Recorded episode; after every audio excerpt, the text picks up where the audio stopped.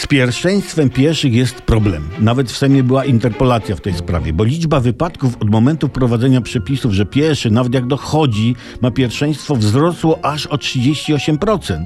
Ponad 38% więcej pieszych zginęło po wprowadzeniu tych przepisów. Tak, oficjalne dane policji. Bo teraz jest tak, że pieszy to bezmyślnie wtarga na pasy i nie patrzy, chyba że w komórkę, jeden z drugim. Mam pierwszeństwo i co mi pan zrobi? Taki król Maciuś pieszy, faraon Perpedes, czy tam księżniczka piechurka. A pieszy może być niewidoczny, na przykład słupek łączący przednią szybę z boczną zasłoni pieszego i bach. Prawda? Takiemu pieszemu, który bez patrzenia wtarabania się na przejście z marszu, policja powinna zabierać buty na trzy miesiące. Chciałbym, chciałbym, żebyście brali ze mnie przykład.